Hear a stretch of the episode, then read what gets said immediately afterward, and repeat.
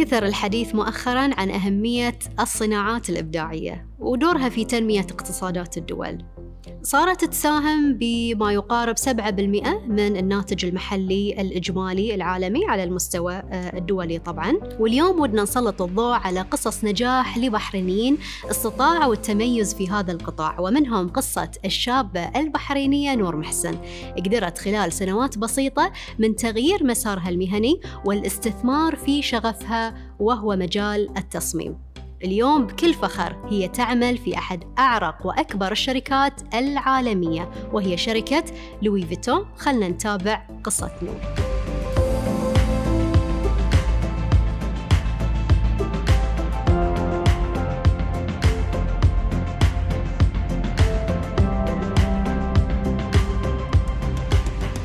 نور يا نور. نور. تحسين ليش من اسمك نصيب؟ الحمد لله. كان له تأثير على نجاحك؟ شنو شعورك؟ اي اسمك.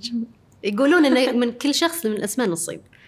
هو ممكن أتفق معك في ذي الشيء لأن ساعات مثلا بتشوفين أكثر الناس الناجحين لهم أسامي معينة. صح. فممكن صح كلامك أنا أكثر من شخص شفت اسمها نور وكانت اوريدي بعد ناجحة وتقدم أشياء حلوة ومبدعة بعد في نفس الوقت. عجيب عجيب. ما شاء الله عليك خلصتي تقريبا سبع شهور مع الشركة العالمية العريقة المميزة ما شاء الله لوي فيتون. يعني وأنا أسوي بحث سريع عن الشركة. طبعا هي شركة يعني غنية عن التعريف. بس قلت يعني خلني أبحث أكثر خلني أعرف عن مدى عراقة هاي الشركة.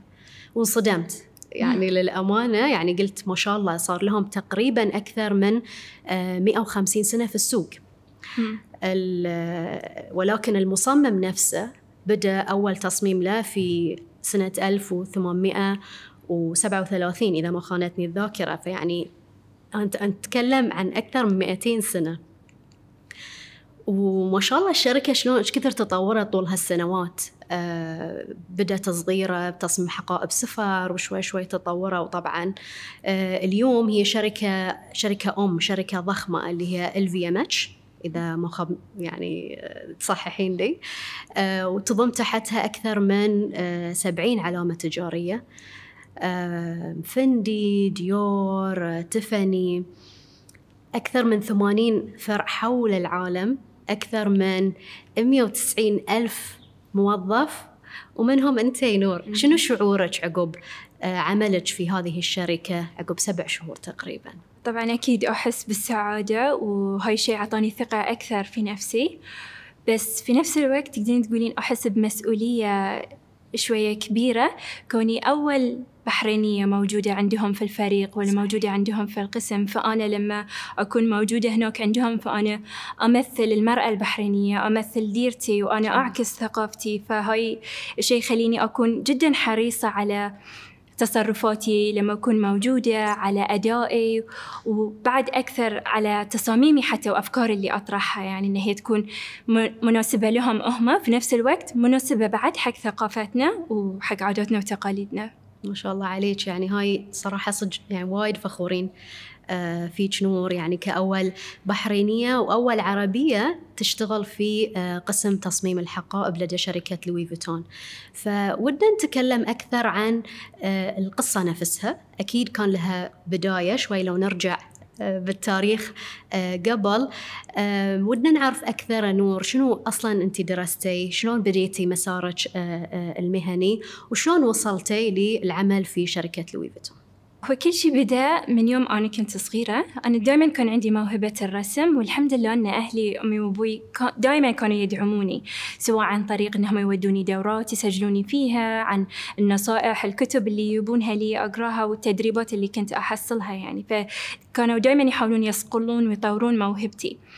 ممكن شوي وأنا صغيرة كنت تقدرين تقولين شوية ضايعة إني حق أي مدرسة أكثر أنتمي في الفن. كنت أعرف إني أحب التفاصيل الدقيقة أحب أركز على الأشياء الدقيقة والتفاصيل. بس شوية ما كانت صورتي واضحة أنا حق شنو أنتمي أكثر. نعم.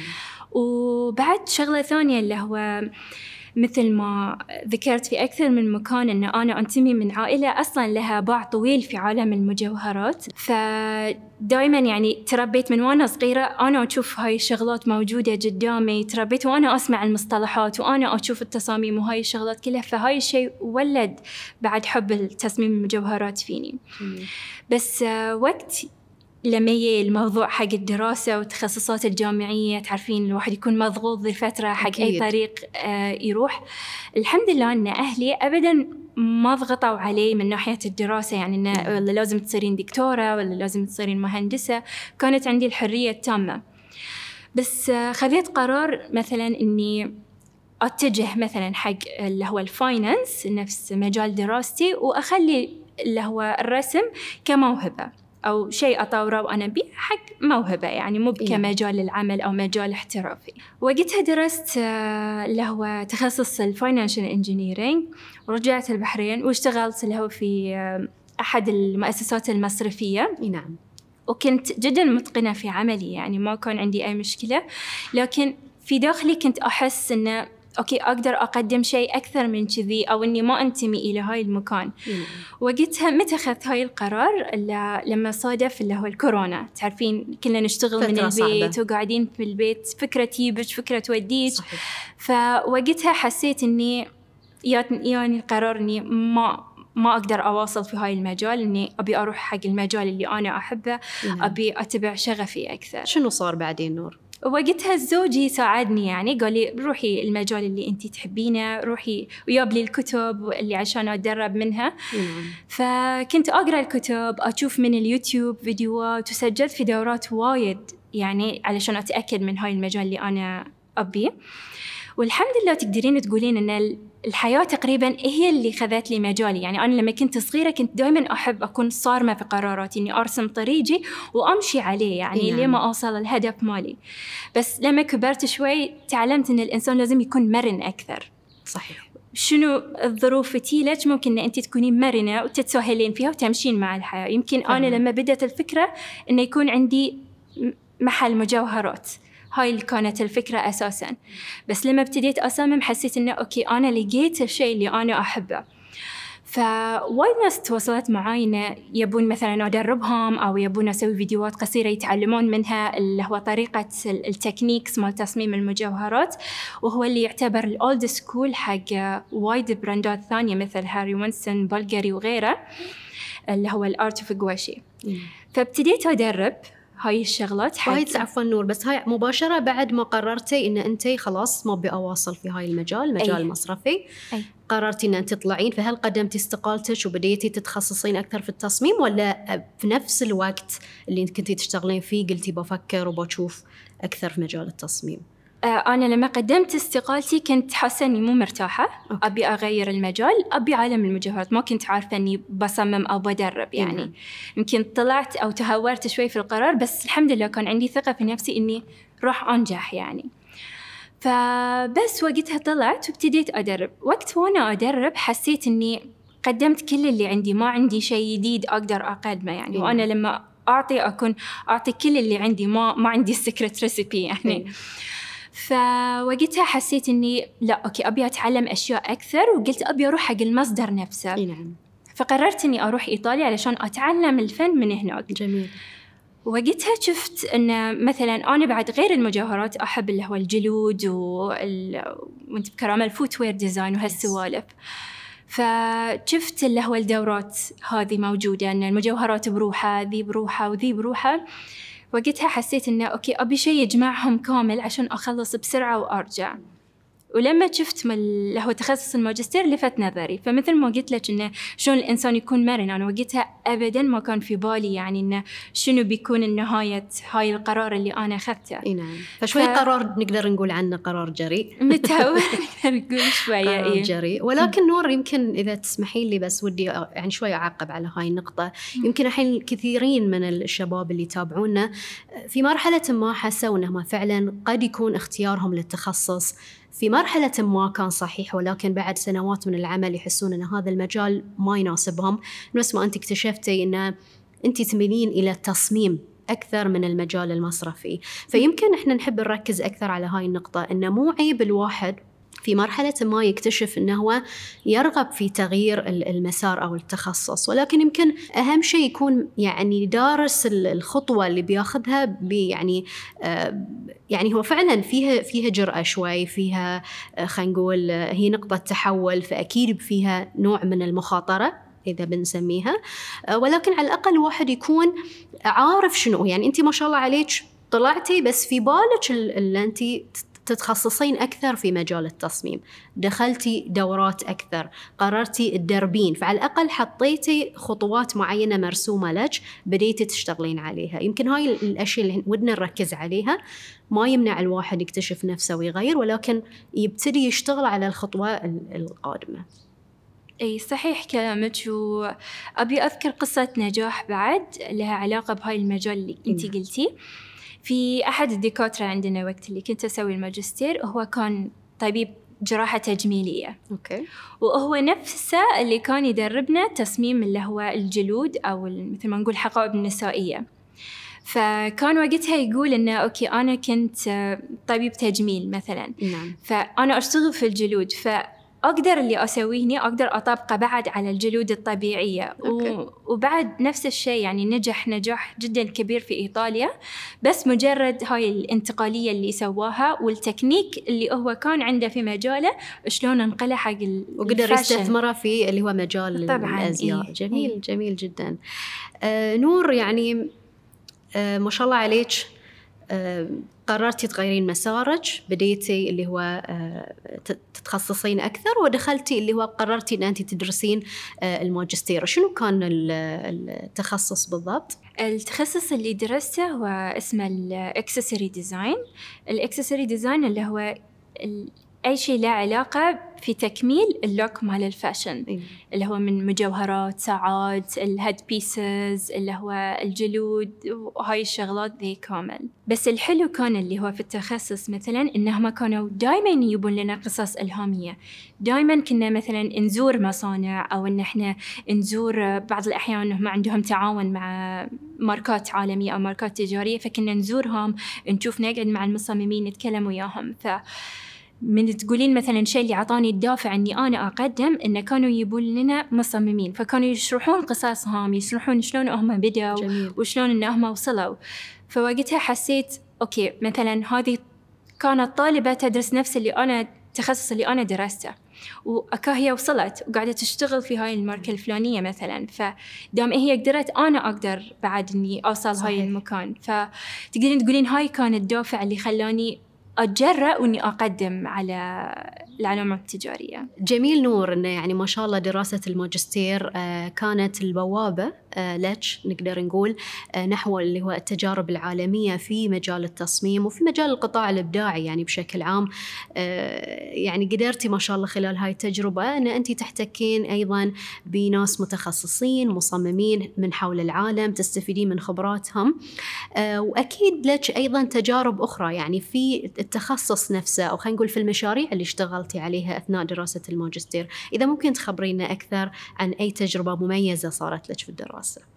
هو خلال دراستي مالت الماجستير كان دائما كانوا ال professors يهيئونا إن شلون إن إحنا نتعامل مع العميل شلون إحنا نتعامل مثلا في ال studio design تحت ضغط أو تحت أكثر من request شلون يجينا فكانوا يهيئونا ويدربونا شلون إن إحنا نقدر نتعامل تحت هاي الضغط. أو بعد اللي هو غيره مثلا شلون إن إحنا نقدم فكرة أو هدف عن طريق تصميم. أو شلون إن إحنا نحل مشكلة عن طريق تصميم فأذكر تصميم اشتغلت عليه أو case study اشتغلت عليه كان وايد التصميم قريب إلى قلبي اللي هو شلون أنا أقدر أحل اللي هو مشكلة بيئية عن طريق تصميم. جميل. فوقتها اللي هو ال product اللي كان موجود عندنا اللي هو ال footwear فأنا اخترت اللي هو ال fisherman sandal لأن وقتها قررت آه، أختار أتبنى قضية اللي هي ال overfishing الصيد الجائر الصيد الجائر م. أو إنه شلون مثلا هاي الشيء تكون نتيجته سلبية على الصيادين نعم. اللي هو وقت الحظر أو اللي مثلا لو صادوا وقت الحظر شلون راح يأثر عليهم سلبا أو شلون أنا أقدر أحل هاي المشكلة نعم. فمن هاي المنطلق تبنيت أنا هاي المشكلة علشان لو ما قدرت إن أنا أحل المشكلة على الأقل أنا أقدر أسلط الضوء على هاي القضية علشان ممكن إنه يكون لها حل. فنوع من التوعية عفوا هو يعني الهدف من التصميم أيوة. أنه يكون في توعية أكثر للمجتمع حول هذه المشكلة. بالضبط. فوقتها اللي هو نوع ال footwear اللي اخترته اللي هو ال fisherman علشان مثل ما قلت لك اللي هو له علاقة بالصيادين اللي هو ال fisherman sandal. فكل ال elements أو الادوات اللي موجودة في هاي ال products كانت آه، من الطبيعة والى الطبيعة اللي هي مثلا آه، ال algae اللي هو الطحالب. فكانت الفكرة إني مثلا إني آخذ اللي هو ال algae أو الطحالب من الصيادين وأستعملها حق اللي هو مثل ما يقولون الفوم أو ال sole مالت الصندل نفسه نعم.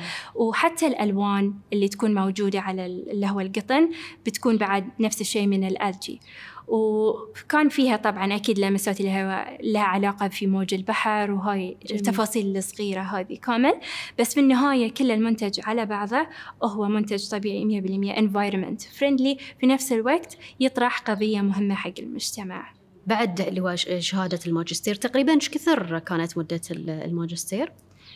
آه، تقريبا كانت سنة. سنة تقريبا. okay تمام. فشنو صار ما بعد بعد السنة؟ هو مثل ما قلت لك إن كانت تجينا وايد قصص الهام إن مثلا شلون مصمم الطالب وصل حق هاي ال brand أو مصمم قاعد يشتغل في هاي العلامة التجارية. فوقتها مثل ما خبرتك قررت إني أنا أجرب حظي بعد لو مو فترة طويلة لو فترة قصيرة بس علشان أخذ خبرة يعني. وقتها أنا قدمت يمكن على أكثر من علامة تجارية وهاي الشيء يمكن أنا ما ذكرته قبل أن وقتها أنا حصلت على عرضين وظيفة. واحد كان من لوي فيتون في باريس والثاني كان من بلغاري في روما. فوقتها أنا اخترت آه، لوي فيتون طبعا هو قرار صعب مو بقرار سهل أنت تحكين عن عمالقة في هاي المجال. صحيح. فاخترت لوي فيتون في باريس. آه، أول شيء كون باريس هي عاصمة الموضة. وثاني شيء أن العلامة التجارية هذه أكيد لها باع طويل. طبعا بلغاري نفس الشيء. ولكن إنهم عندهم مثل ما تقولين أكثر من قسم أو أكثر من product موجود عندهم. فأنا حتى لو كنت مثلا جهة الحقائب النسائية أنا أقدر أشوف أو أتعلم آه، من اللي هو مثلا قسم المجوهرات أو قسم الأحذية أو قسم الجلود الثانية اللي موجودة. جميل. فعلى هاي الأساس اخترت هاي, هاي المجال. آه، نور ودي أعرف أكثر عن اللي هو طريقة التقديم أو خلينا نقول مرحلة التقديم على هذه العلامات التجارية. شنو شنو شنو الخطوات اللي أنت سويتيها على أساس تقدمين على هاي؟ يعني هل أنت سمعتي عن عرض وظيفي مثلا أو لا بسبب لأنك أنت خريجة من هذه الجامعة فأتيحت لك الفرصة أن أنت آه، تسجلين في هاي العلامات. ودي أعرف أكثر شلون قدمتي وشلون حصلتي على الموافقة. هو طريقة التقديم كانت أونلاين مثل أي وظيفة ثانية. لكن مثل ما ذكرتي في أكثر من عنصر اللي هو مثل ما تقولين وفقني أكثر حق هاي العرض الوظيفي. آه، أول شيء طبعا أكيد اسم الجامعة. آه، ثاني شيء اللي هو اشتغلت عليه أكثر اللي هو ال portfolio التصاميم اللي راح أعرضها عليهم. أذكر هاي اشتغلت عليه وايد. أعتقد هاي من أكثر, أكثر الأمور المهمة اللي طبعاً. أي مصمم لازم يركز عليها. طبيعي لأنه ممكن يجيلك مصمم وايد شاطر ولا وايد ملهم وتصاميمه جدا حلوة لكن طريقة عرضه ما تكون جذابة أو ما يقدر يطرح فكرته بطريقة حلوة يعني. إيه. فوقتها اشتغلت وايد على البورتفوليو وأكيد من اسم الجامعة وطبعا من الأفكار اللي أنا طرحتها لهم. الموضوع ما كان سهل. كلش ما كان سهل. أقدر أتخيل. أبدا ما كان سهل وال فترة التوظيف كانت منهكة نفسيا بالنسبة لي كانت طويلة ما كانت قصيرة كانت تقريبا شهرين أكثر من أربع مقابلات أنا أوه. دخلتها. project عطوني أشتغل عليها فالعملية ما كانت سهلة و... لأنهم كانوا يبون يتأكدون يعني أن هم دقيقين جدا؟ دقيقين جدا يبون يتأكدون إنه هل مهاراتي وال skills اللي موجودة عندي تناسب الوظيفة؟ الوظيفة نفسها نعم. أو ال aesthetic تبعهم. إي نعم. فشلون وقع عليك الاختيار؟ أو شلون مثلا تم تبليغك أن أنت حصلتي على هذا العرض الوظيفي؟ والحمد لله يعني توفقت وحصلت على هاي الوظيفة. بس اللي كنت أبي أذكره إنه قبل سنتين أنا كنت أروح حق دكتورة علاج طبيعي وكانت تقول لي قصتها. كانت تقول لي إن أنا لما كنت طالبة كنت أكتب اسمي اسم عيادتي على طول في دفتري. كنت أكتب اسم عيادتي فأنا كنت تحت ضغط وايد عود وكنت جدا متوترة. فكلمتها كانت وايد موجودة في مخي فكنت دائما أكتب آه LV نور LV نور LV نور لأروج الورقة يعني okay. اللي كنت كاتبة فيها يمكن ما في أبيض. أنا كنت وايد متوترة كنت أكتب دائما هاي الشغلة. كنت أقول okay علشان يصير يعني. صح. وأكيد أنا بذلت جهد وايد عود علشان أوصل أكيد علشان أنا أقدر أوصل هاي العلامة التجارية أو أنا أقدر أتعلم أو أنا أكون مصمم مصممة محترفة ولكن بعد كانت عندي نقطة وايد مهمة إني ركزت عليها علشان أنا أقدر أعطي أمل حق المصممين اللي موجودين عندنا لأن عندنا مهارات جدا عالية عندنا مصممين مبدعين صحيح. فيمكن ينقصهم بس اللي هو الثقة بالنفس أو الدعم المعنوي أو حتى أخذ الخطوة أكيد الأولى فكنت يعني فكنت أقول إني أوكي أبي أوصل علشان أعطيهم أمل إنه أنتم بعد تقدرون توصلون أنتم بعد جميل. تقدرون تحصلون هاي الفرصة اللي أنا حصلتها فعلا. وفعلا نور ما شاء الله عليك قدرتي تعطينا أمل مو بس حق المصممين حتى حق الشباب لله. عموما في مملكة البحرين. آه، يعني بهذه الخطوات ما شاء الله عليك يعني باين إن أنت بذلتي جهود كبيرة. ليش ليس بالأمر اللي هو السهل آه، والبسيط إن أنت أصلا في البداية تقررين آه، تغيرين المجال وبعدين تتخصصين أكثر. حتى خطوه خطوه خطوه اللي اتخذتيها في دراسة الماجستير أيضا كانت خطوة كبيرة إن أنت تروحين إلى دولة أوروبية مثل إيطاليا تدرسين فيها وتكسبين هذه الخبرات. آه، أيضا ما شاء الله عليك كنتي شجاعة وكنتي ما شاء الله عليك عندك الثقة اللي تأهلك أن أنت تقدمين في آه، هذه العلامات التجارية ومنها قدرتي تحصلين على عرضين وظيفيين. فهاي بحد ذاته أصلا يعني حتى لو بالنسبة لي حتى لو لم يقع عليك الاختيار كون إن انت حصلتي على عرضين وظيفيين هاي بحد ذاته نجاح ما شاء الله عليك. والحين انت آه، مصممة آه، محترفة في شركة عالمية مثل آه، لوي فيتون. أنا ودي الحين أنتقل إلى المرحلة الثانية مرحلة العمل في هذه الشركة. عملك في فرنسا إذا ما خاب ظني صحيح؟ صحيح. في اللي هو المكاتب الرئيسية لشركة لوي فيتون. شنو هي طبيعة العمل؟ يعني ما هي طبيعة عمل المصمم في قسم آه، خلينا نقول صناعة وتصميم آه، الحقائب النسائية؟ آه، طبيعة العمل في هاي المجال بشكل عام ما لها أي علاقة بالروتينية. يمكن هاي الشيء اللي يخليني أقدر أعطي أكثر أو يخليني أنا سعيدة طول الوقت أكثر مثلا عملي السابق كان الوظيفة روتينية. يمكن هاي الشيء اللي خلاني أنا أنتقل من ذي المجال إلى المجال الثاني. هني في إبداع أكثر ممكن تعطين أكثر. ما في روتين هو cycle أنت تمشين عليه. جميل. تبتدين من فكرة لطرح الفكرة لما تطورينها. فأنا كنت يعني مثل ما تقولين آه، لي علاقة في ال product نفسه من بدايته من هو رسمه. جميل. اختيار لون الخيط مثلا في اختيار لون الحقيبة في اختيار التفاصيل الصغيرة اللي موجودة اللي هو ال locks السير الشنطة ذي كامل جميل. فكنت involved فيها كلها من البداية للنهاية يعني جميل فخلينا نقول لو ياك مثلا طلب لتصميم معين كيف تتعامل مع نور؟ شلون تبتدين عملك إذا تم اللي هو خلينا نقول تخويلك بعمل تصميم معين؟ أهم نقطة لما في مجال التصميم هي شلون أنت تحصلين على الفكرة. يمكن هاي أصعب شيء.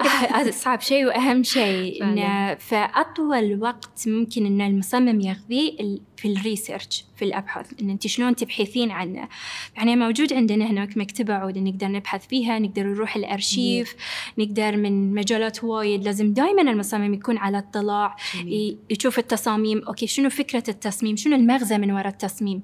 لأن أنت من التصميم نفسه تقدرين أنت تطرحين قصة أو تناقشين آه، شغلة معينة يعني. صحيح.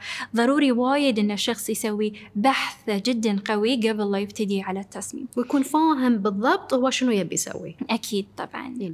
عقب البحث يبتدي اللي هو ال sketching اللي هو الرسم المبدئي حقه اختيار الألوان أو مثل ما يقولون اللي هو ال prototype نسويه نشوفه نشيك على النموذج الأولي للتصميم. لما نوصل للمنتج النهائي يعني. جميل جميل. وخلينا نقول أكيد يمر بمراحل آه، اللي خلينا نقول على أساس يتم الموافقة على اللي هو التصميم النهائي.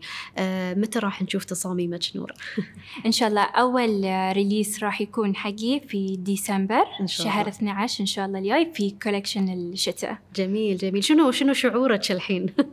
وايد متحمسة أبي أشوف التصميم أكيد في السوق وفي نفس الوقت أبي أشوف ردة فعل الناس. هل الإقبالية كبيرة؟ أبي أشوف ال comments اللي موجودة عليه. شنو أقدر أطور من نفسي؟ أكثر؟ في شنو أركز أكثر؟ يمكن هاي من أهم الأمور اللي أعتقد لازم المصمم يحطها في باله أنه حتى لو أنا صممت تصميم معين آه المفروض أكون فعلا مترقب ل آه خلينا نقول ردة فعل الكاستمرز أو اللي هو العملاء آه شنو رأيهم بالكولكشن نفسه. يعني حسب علمي إنه ما شاء الله هناك كثير من المتخصصين حتى لو ما اقتنوا هذه خلينا نقول الحقيبة أو هذه المنتج ولكن يصير في تقييم عليه آه، أعتقد المصمم مهم إنه يسمع هاي النوع من التقييمات ولا إيش رأيك نور؟ لا أكيد هاي شيء وايد ضروري حق المصمم إنه يشوف ردة فعل الناس. لأن مثلا كل تصميم ينطرح أو ينعرض أو brief آه، ينعطى حق المصمم يكون في له فئة معينة آه، تتعلق في آه، من راح يلبس هاي مثلا الحقيبة أو من راح يلبس هاي المنتج. فوايد ضروري نشوف ردة فعل اللي هو الفئة اللي إحنا مستهدفينها صحيح. على التصميم. سواء إن إحنا نواصل في هاي الطريق أو إن إحنا ننتقل حق آه، مجال ثاني أو اتجاه ثاني حق آه، نور أكيد آه، خلينا نقول كل مجال وكل وظيفة وكل تخصص في مجموعة من التحديات اللي يواجهها الشخص نفسه. ودنا نعرف شنو أبرز التحديات اللي أنت تواجهك كمصممة في خلينا نقول علامة تجارية أو في شركة تجارية كبيرة مثل لوي فيتون من الأشياء اللي أعتبرها شوية تقيدني إن المصمم لما يشتغل مثلا حتى لو كان ويا عميل معين أو ويا علامة تجارية معينة إن أنت دائما لازم تبرزين هوية العلامة في التصميم. صحيح. فوايد ضروري ذي الشيء. فهاي الشيء ممكن انه هو يحكمك ما تقدرين تطلعين برا هاي الإطار. فأنت في نفس الوقت لما بتين تصممين حق هاي المنتج. أنا لازم أخذ بعين الاعتبار اللي هو آه الوقت اللي راح ينزل فيه الفئة المستهدفة آه اللي هو الهوية حق العلامة التجارية. في نفس الوقت أضيف لمستي. فهاي كان أصعب شيء بالنسبة لي إنه أنا أجمع بين كل هاي النقاط صحيح. في منتج واحد. صحيح. ما تحسين إن ساعات يحد من الإبداع ولا تحسين لا بالعكس. هاي التشالنجز هي أو هاي التحديات هي اللي تدفعني أكون مبدعة أو مبتكرة أكثر. ممكن إن هي تكون نقطة إيجابية لأن أنت في البداية بتكونين في ضغط بس وقت ما تروحين تبحثين أكثر وتشوفين اللي هو من الفئة المستهدفة أو المجال اللي أنت فيه شنو النقط اللي بتضيفينها؟ ممكن يسهل عليك ممكن تضيفين إضافات بسيطة. صحيح. بس أكيد يعني آه، المصممين يفضلون إنه يكون عندهم حرية أكثر في انتقاء مثلا اللي هو الأفكار حق التصميم. جميل. آه، نور الحين في بالي خلينا نقول فريق العمل اللي يشتغل معاك آه، أعتقد آه، إذا بتصححين لي إنه هو فريق خلينا نقول هو خليط بين ثقافات. يعني انت كونك أول عربية ولكن تشتغلين مع آه، يعني مختلف الثقافات مختلف الجنسيات معاك في الفريق. إيش كثر هذه مهم جدا لدى المصمم إنه هو يكون محاط بخليط ثقافي آه، قد يساعده في آه، عملية التصميم وإنتاج ما هو مميز؟ أنا أول ما حصلت على الموافقة شوي كنت متخوفة. كنت متخوفة من ناحية إني بروح مثلا هاي الدولة. أوكي أنا ما أتكلم اللغة وقتها يعني فما أتكلم اللغة فكنت متخوفة إنهم بيكونون كلهم من نفس الجنسية أو ممكن تكون مصطلحات أنا ما أعرفها أو آه، طريقة النقاش أنا ما ما أكون يعني على تواصل معاهم أو على معرفة. بس الحمد لله لما وصلت هناك وشفت الفريق العم فريق العمل وقعدت معاهم كان المصممين متنوعين من كل دولة موجودين. في عندنا من أمريكا من كندا في من اليابان من كوريا ومن ألمانيا. وكنت أنا أول عربية موجودة معاهم فتقولين إنه فريق متكامل وايد حبيت هاي الشغلة اللي موجودة عندهم. لأن كل واحد راح يجيب شوية من ثقافته ويخليها صحيح. موجودة ويتركها في هاي المكان. فحبيت إنهم ما حدوا على دولة معينة أو على مكان معين. جميل. والفريق جدا متعاون. يعني لو في شغلة أنا أبي أتعلمها يعلموني إياها لو في شغلة أنا عندي متميزة فيها أعلمهم إياها. فكانوا جدا متعاونين. أه واحدة من التشالنجز ممكن أقدر أقول اللي هي التنافس أو مثل ما يقولون التنافس إيه. الشريف الشريف إي نعم إيه فشلون تخلين المنتج أو تصميمك اللي أنت صممتيه يطلع للنهاية يعني نعم. فهاي التنافس كان دائما موجود إنه صحيح. كل شخص يبي يثبت نفسه للنهاية كل شخص يبي تصميمه هو يكون موجود إحنا نشتغل كفريق ومتعاونين لكن أكيد في فكرة تطلع من كل شخص فنحاول دائما أن نخليها موجودة يعني. صحيح. أعتقد هاي بعد يعني هذه النقطة يمكن قد تكون موجودة في معظم الوظائف اللي لا سيما في مجال القطاع الإبداعي لأن القطاع الإبداعي هو قائم على الأفكار الجديدة، الأفكار المبهرة، الابتكارات الجميلة. فالا ولا بد يكون فيها نوع من الاختلافات، إلا ولا بد يكون فيها نوع من إن كل شخص وده أيضا نفس ما ذكرتي إنه هو يثبت بأن فكرته هي الأفضل. ولكن الجميل أو الأهم إنه يكون في التنافس الشريف نفس ما ذكرتي. آه، وهو أصلا اللي يعود بالفائدة على خلينا نقول المنتج النهائي وعلى أيضا يعني صورة الشركة أعتقد بشكل عام. آه نور ودي أنتقل حق نقطة يمكن فاتتنا شوي المفروض يمكن كنت أذكرها قبل اللي هو قرارك لما أنت قررتي أن أنت تعملين في هذه الشركة وتسافرين آه وتعملين لي اللي هو شهور خلينا نقول آه في آه الشركة الأم. آه، دور الأهل آه في مساندة هذا القرار. وموافقتهم بأن انت يعني تطلعين من برا على البحرين وتوافقين على هذا العرض الوظيفي وتعملين لشهور آه، خارج مملكة البحرين. ودي أعرف دور الأهل في هذه الخطوة. هو القرار أبدا ما كان سهل كان آه، وايد صعب علي بس الحمد لله أن الأهل كانوا وايد متفاهمين ووايد متفاهمين الموضوع ووايد حصل دعم معنوي منهم يعني إنه لا روحي وبادري دام حصلتي هاي الفرصة روحي إخذي الخطوة الجاية يعني. فكان قرار جدا صعب بالنسبة لي كوني إن أنا متزوجة وزوجي في ديرة وأنا موجودة في دولة ثانية يعني ما كان سهل بس الحمد لله يعني إني توفقت وحصلت هاي الفرصة. نور أعتقد أن من المهم آه، لدى أي مصمم اللي هو عملية تطوير المهارات وتطوير الخبرات. كونك أنت حاليا تعملين في هذه المؤسسة أعتقد أكيد عندك الرغبة أن أنت تواصلين أيضا عمليات اللي هو تطوير مهاراتك وخبراتك فهل آه، في خلينا نقول وقت مخصص لك أنت كمصممة في شركة لوي فيتون أن أنت تعملين على تطوير مهاراتك أو تاخذين خلينا نقول كورسات معينة شنو يصير عادة في خلينا نقول نقطة التدريب أثناء عملك؟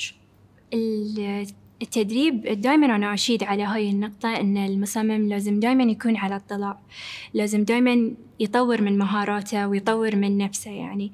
وخاصة أن التكنولوجيا قاعدة تتغير وكل شيء قاعد يتغير فلازم دائما أن إحنا نواكب الأشياء الحديثة اللي قاعدة تصير. نعم. فهاي شغلة وايد مهمة يعني أن الشخص دائما يطور مهاراته وأكيد الاستمرارية لما الشخص يوصل لمرحلة الاحتراف. يعني مثلا من أحد الأمثلة وأنا أشتغل على التصميم هناك فقررت أني أخذ دورة. كوني أنا مصممة حاليا في قسم الحقائب فأخذت دورة بعد اللي هو لها علاقة في فان كليف آه لها علاقة بالمجوهرات. جميل. فما فكرت إني أنا أحد نفسي في مجال معين يعني. فدائما أحب إني أخذ دورات أطور من مهاراتي سواء كان لها علاقة في اللي التخصص اللي أنا موجودة فيه حاليا أو لها علاقة في مجال ثاني علشان دائما أنت راح تستفيدين سواء أكيد. كان لا علاقة في مجالك أو لا راح تستفيدين سواء من مهارة جديده تكتسبينها أو عن طريق معارف أو ناس تتعرفين عليهم. آه نور من وجهة نظرك آه وين تشوفين عالم التصميم وخلينا نقول القطاع الإبداعي بحد ذاته إلى أين متجه؟ شخصيا من وجهة نظري أشوف أن عالم الأزياء أو عالم الموضة متجه أكثر نحو التكنولوجيا مثل ما نقول الفاشن تك. وشغلة ثانية جدا جدا مهمة في توعية جدا أو حملات توعوية وايد كبيرة موجودة خاصة في عواصم الموضة اللي هي لندن وباريس وميلان اللي هو نحو الاستدامة. نعم.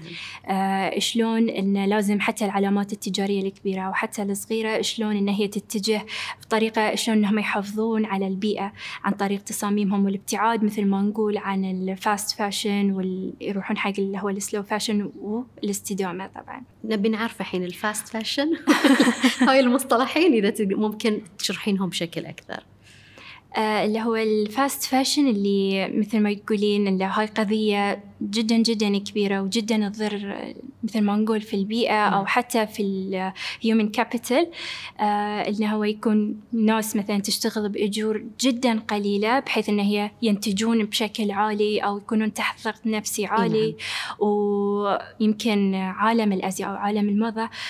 أكثر قطاع هو يضر البيئة. صحيح. فزادت عليهم القوانين زادت عليهم الريجيليشن بحيث أنه تحكمهم أنهم يتجهون أو يغيرون مسارهم. فأنا شخصيا أشوف أنه أو أعطي نصيحة حق اللي موجودين في هاي المجال أنهم يتجهون نحو الاستدامة لأني أشوف المستقبل رايح في هاي الجهة أكثر. آه وبمعنى أنه يمكن اللي هو استخدام حتى المواد الطبيعية في عمليات التصميم إن صح التعبير ممكن استخدام المواد الطبيعية أكثر أو يتم إنتاج المنتج بجودة جدا جدا عالية بحيث أن المستخدم ما يضطر أنه هو يتخلص من هاي المنتج عقب فترة قليلة ويضطر أنه هو يشتغل يشتري غيره بسرعة صحيح. فهاي قصدهم بال fast fashion وال slow fashion fashion. تكون عمر المنتج تكون أطول فبهاي الوقت ممكن التصنيع بيكون أقل. ولكن للأسف يمكن إحنا نشوف إنه بالعكس يعني يمكن من السنوات ال- الأخيرة خلينا نقول ال 20 سنة أو 30 سنة الأخيرة صار التوجه إلى لا نفس ما قلتي اللي هو ال fast آه مو بس أعتقد مو بس حتى في ال fashion نفسه في ال- ال- الإنتاج والتصنيع بشكل عام يتجهون إلى هذا النوع من التصنيع بحيث انهم يضمنون آه خلينا نقول آه آه زيادة عملية المبيعات وبالتالي زيادة الربح ولكن نفس ما ذكرتي إنه يسبب العديد من اللي هو المشاكل سواء كانت على الموارد البشرية أو على حتى يعني استخدام المواد آه، الغير صديقة للبيئة فجميل جدا انه يكون في توجهات جديدة نحو اللي هو الاستدامة ونحو مراعاة هذه الأمور آه، واستخدام المواد الطبيعية وغيرها. أنا على يقين بأن طموحك آه، ما بيكون عند فقط العمل لدى هذه الشركة العريقة شنو أهدافك المستقبلية نور؟ ماذا بعد العمل في لوي فيتون؟ أكيد من أهدافي إني أنا أوصل لمرحلة الاحتراف أو أكون مصممة محترفة وأكيد كأي مصمم ثاني يعني إنه يتمنى إنه يكون له العلامة التجارية الخاصة فيه. وفي كذا شغلة قاعدة أشتغل عليهم حاليا إن شاء الله راح أعلن عنهم قريب لها علاقة في هاي المجال. جميل جدا. نصيحة تنصحينها لأي شخص آه، أو أي شاب وشابة ودهم أنهم يدخلون مجال التصميم بس مو عارفين يمكن من وين يبتدون أو شنو الخطوة الأولى اللي ممكن ياخذونها. أكثر نصيحة ممكن أوجهها حق الشباب اللي هي البحث عن الشغف. فلما الإنسان يعرف هو في شنو شنو يحب ولا شنو يبدع فيه أكثر راح أكيد هو يحب أو يصيده فضول إنه هو يتعلم فيه أكثر. وهاي الشيء اللي أنا دائما أشيد فيه إنه هو دائما يطور من مهاراته أكيد والاستمرارية لحد الاحتراف. هاي شيء طبيعي. آه ولكن بعد غير عن ذي كله اللي هو الثقة بالنفس ويكون الشخص عنده طموح عالي وما يسمع حق الكلام السلبي ودائما يكون تفكيره إيجابي لحد ما يوصل أهدافه ودائما تكون الأهداف عالية وإن شاء الله الكل يحس يحقق أهدافه واللي هو يتمناها. سعيدين جدا بوجودك نور آه، فخورين شكراً. جدا بهذا الإنجاز اللي حققتي. وما شاء الله عليك أنا على يقين أن أنت راح تقدمين الأكثر والأكثر خلال الفترة القادمة. كل التوفيق لك نور. شكراً.